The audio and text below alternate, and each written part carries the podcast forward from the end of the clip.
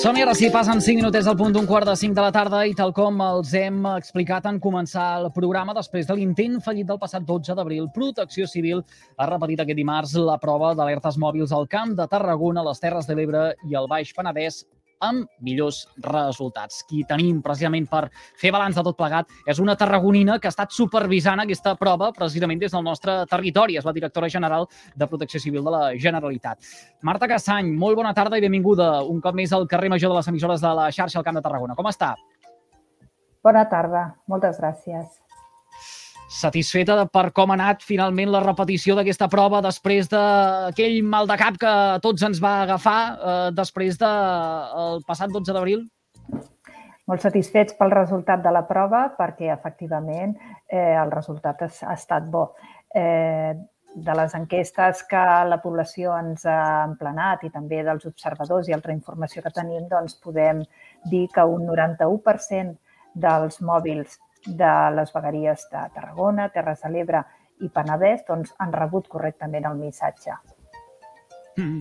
Un 91% és la xifra que vostès s'esperaven? És la xifra que es pot comparar o equiparar també en d'altres proves que s'han fet en eh, regions eh, diverses del país? Sí, de fet, potser diríem que és el millor resultat que hem tingut fins ara. Eh, la prova que vam fer anteriorment, el 27 d'abril, a Girona i Catalunya Central, estàvem a l'entorn d'un 89-90% de recepció, que també era un percentatge molt alt. I aquí a Tarragona encara ha superat doncs, aquest, aquest percentatge. Per tant, hi ha pocs mòbils que malauradament no han rebut el, aquest missatge. Això vol dir, senyora Cassany, que a mesura que es van fent eh, simulacres o proves d'enviament de, de missatges d'aquestes característiques, eh, l'eina també eh, va millorant aquelles mancances que eh, vostès, o en aquest cas doncs, el, el eh, govern eh, de l'estat espanyol detecta en l'enviament? Sí, aquesta eina, com hem dit ja diverses vegades, és una eina estatal de la qual la Generalitat tenim aquesta possibilitat de gestionar-la i d'enviar els missatges i precisament la prova que es va fer el dia 12 d'abril aquí a Tarragona doncs, va tenir un error intern, un error tècnic, que per part de la Generalitat doncs, no, no teníem possibilitat no, de poder-lo detectar, sinó que va ser l'Estat doncs, que el dia següent va eh, solventar i arreglar eh, aquesta qüestió, cosa doncs, que agraïm que de seguida no, ràpidament es pogués arreglar. Eh, segurament doncs, eh, les proves són sempre molt positives perquè provar un sistema nou eh, és la manera de que sapiguem tots com funciona, la millora a fer doncs, que es pugui fer si nosaltres per part de la Generalitat veiem aspectes eh, que s'hagin, doncs, de, no, algun detall que es pugui arreglar, així ho fem i així ho reclamem també. No? Per tant, eh, és un sistema que cal que tots coneguem, cal que la població eh, conegui el seu funcionament. Per això aquest, aquest, no? aquest aspecte de la prova, que és que els ciutadans i la població coneguin l'eina, sàpiga quin, quin és el so, que és un so molt diferent, molt estrident, molt característic, eh, això per una banda i per una altra, doncs, també nosaltres com a protecció civil provem l'eina i veiem quins aspectes a millorar.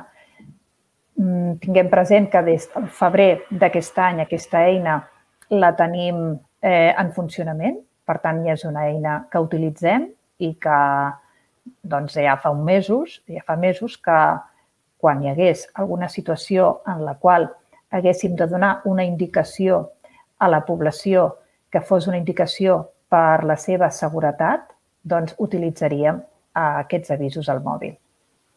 Mm.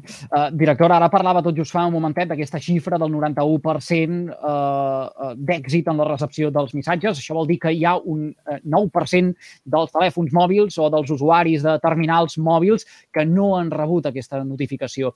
Uh, uh, Eh, això s'explicaria d'una banda per la cobertura, ens ho explicaven ara tot just fa un momentet mentre eh, repassàvem els principals titulars de la jornada al territori, i no sé si també hauríem de eh, trobar eh, el, algun motiu en el fet que no tots els eh, terminals disposen de connexió a internet, encara, malgrat que eh, gairebé la totalitat de eh, gent que ens estigui escoltant ara mateix està permanent connectada a la xarxa les 24 hores del dia. Sí, el sistema requereix tenir cobertura d'una antena de, de mòbil. Aquest és el requisit per poder eh, tenir, eh, poder rebre el missatge. Has de tenir també un mòbil eh, que tingui possibilitat de tenir aquesta connexió a internet. No cal que sigui un mòbil molt modern, però sí d'aquells mòbils com més antics, els que teníem abans, que no tenien connexió a internet, aquest no rebria el missatge. Val? Per tant, sí que hem de tenir aquest mínim requeriment d'un mòbil que es pugui connectar a internet i tenir cobertura d'una antena de telefonia en aquell moment. Després hem de tenir present que el mòbil no pot estar apagat, ha d'estar encès I acabem de perdre la connexió amb la senyora eh, Cassany, la directora general de Protecció Civil de la Generalitat de Catalunya, eh, mentre ens estava explicant doncs, eh, els condicionants que porten a rebre aquest eh, missatge d'alerta, aquest missatge d'emergència en el telèfon mòbil. Eh, recordem que eh, avui, després de l'intent fallit del passat 12 d'abril, Protecció Civil ha repetit la prova d'alertes mòbils al Camp de Tarragona, també a les Terres de l'Ebre i al eh, Baix Penedès. Els resultats han estat molt millors dels que hi va haver eh, aleshores i, de fet, ens ho estava explicant. Eh? La senyora eh, Cassany eh, s'ha xifrat la recepció d'aquests missatges en un 91%, un percentatge que ha eh, destacat també el delegat del govern, eh, Àngel Xifré, eh, que ha qualificat de satisfactori en un segon intent després que la primera vegada no s'arribés ni al 40%. Una prova que s'ha repetit, ja que Protecció Civil al seu dia va considerar necessari poder-la repetir en un territori amb una gran sensibilitat pel risc eh, químic. Hem recuperat la connexió amb la senyora eh, Cassany eh, per un momentet. Són coses que passen a la tecnologia. Mentre parlava precisament, senyora Cassany, de la cobertura i de la telefonia mòbil, que de vegades ens juga aquestes males passades. Doncs sí, sí, ha sigut una casualitat, precisament parlant d'això. Doncs sí, és necessari aquesta cobertura de telefonia mòbil, eh, perquè la cobertura de mòbil és la que permet que puguem rebre el missatge i de, també hem de tenir el mòbil encès, no pot estar ni apagat ni en mode avió. I després hem de tenir també activat una opció en el mòbil, en la configuració, que és l'opció que permet rebre alertes. Eh, si no fem res, d'entrada, molts mòbils moderns ja tenen aquesta configuració activada, eh? no cal activar-la expressament. Mm -hmm.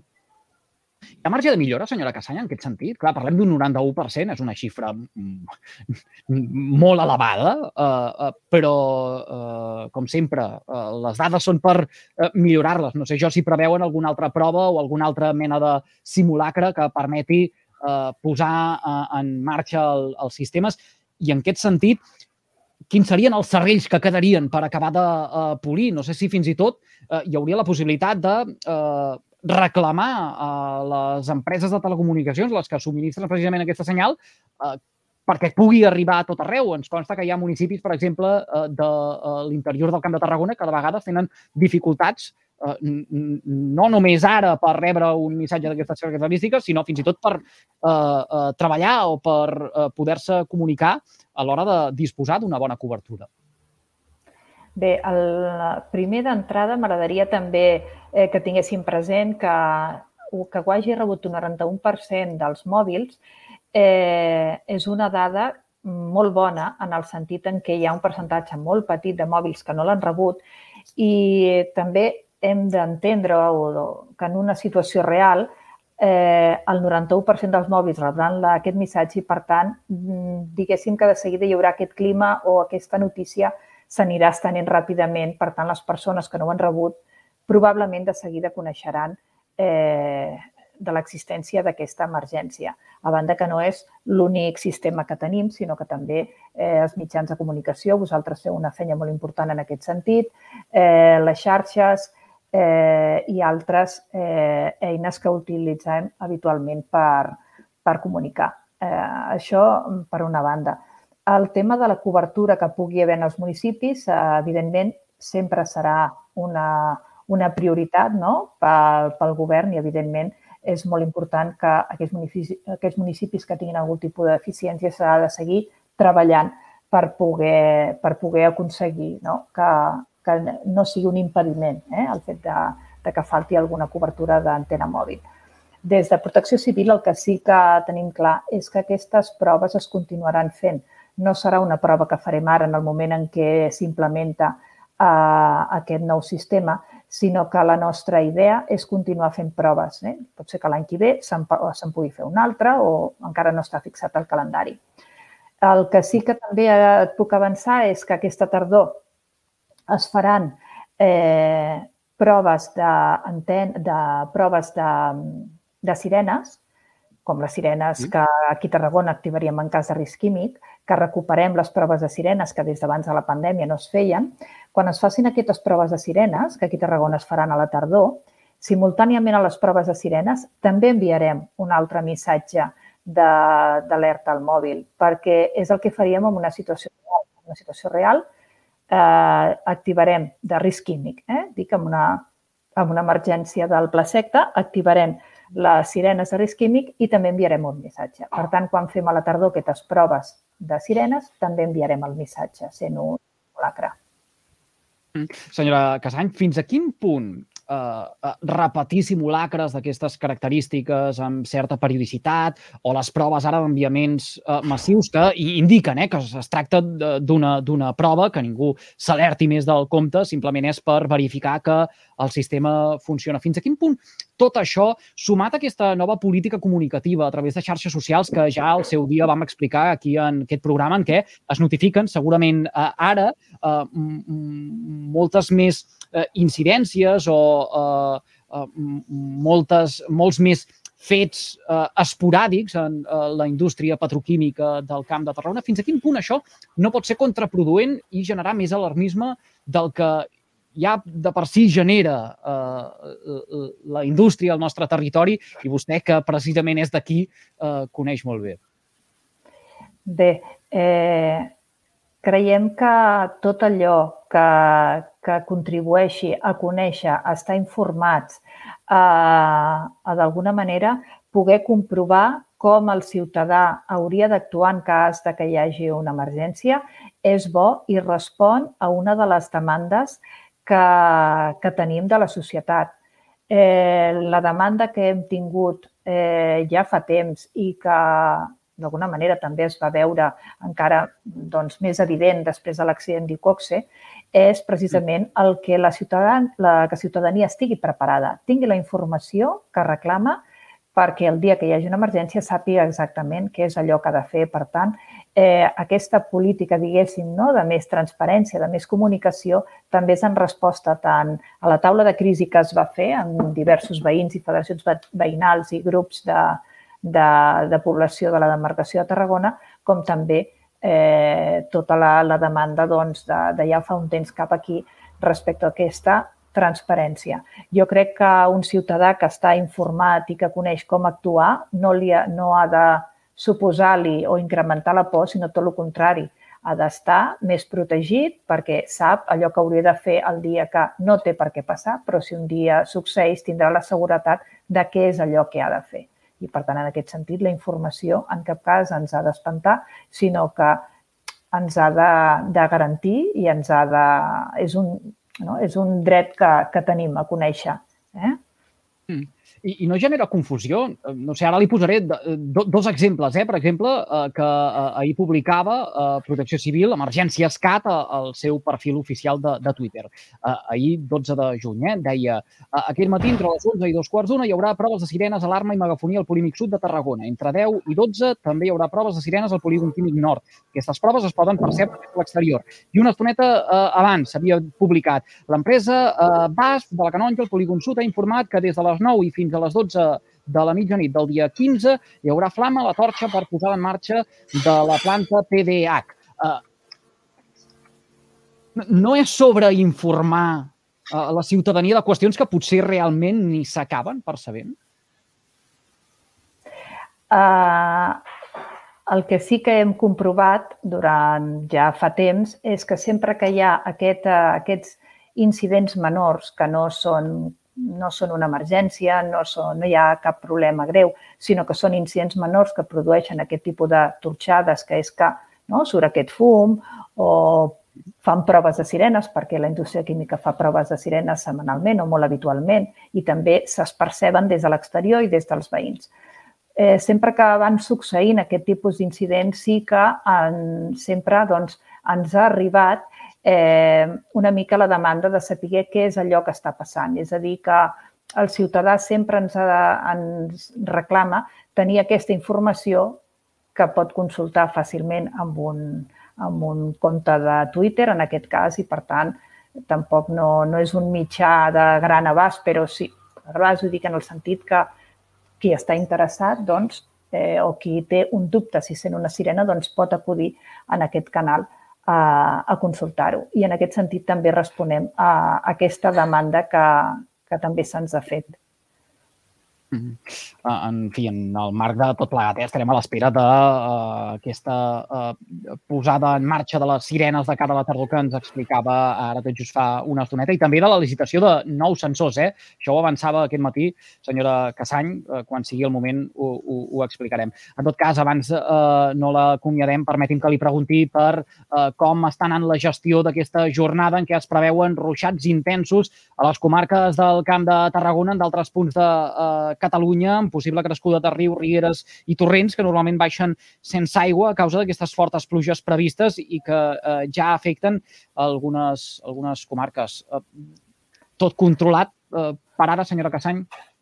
En principi no tenim cap incident greu a hores d'ara. Sí que hi ha en diversos llocs de Catalunya, no aquí a la demarcació de Tarragona, sinó a Catalunya central més aviat o alguna comarca de Girona, amb alguna incidència menor que en principi no ens ha de preocupar, però sí que s'estan produint pluges intenses, algunes avingudes i que la marxa i, per tant, s'ha de tenir molta precaució i estar molt atents a, a la informació meteorològica abans de sortir de casa. De moment aquí a Tarragona veiem que encara no hi ha una afectació important ni encara no ens ha arribat aquesta pluja. La previsió és que podria ser doncs, que eh, aquesta tarda hi hagués el, alguna, algun, alguna pluja.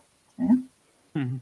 Senyora Casany, ara ja sí, de, de veritat, per uh, acabar, permeti'm que li pregunti per uh, com intueixen que anirà uh, l'estiu, uh, com intueixen que uh, pugui anar la, la, la feina que vostès tindran ara ja a les portes d'aquesta temporada turística uh, alta, amb uh, la sequera generalitzada arreu del país, malgrat aquestes pluges intenses a les que fèiem referència ara, i en un context també en molta manca d'aigua eh, aquest eh, dijous presentaran en directe una obra teatral eh, de la campanya de protecció civil de cara a la Rebella de Sant Joan, a la Rebella Segura, una obra que, per cert, es podrà seguir en directe eh, pel canal YouTube de, de Protecció Civil. Eh, la previsió eh, és tan crítica com la que fèiem tot just ara unes setmanes enrere, abans no hi haguessin aquestes pluges que ens permeten ja, ja ser una miqueta més esperançadors pel que fa doncs, al nivell dels pantans.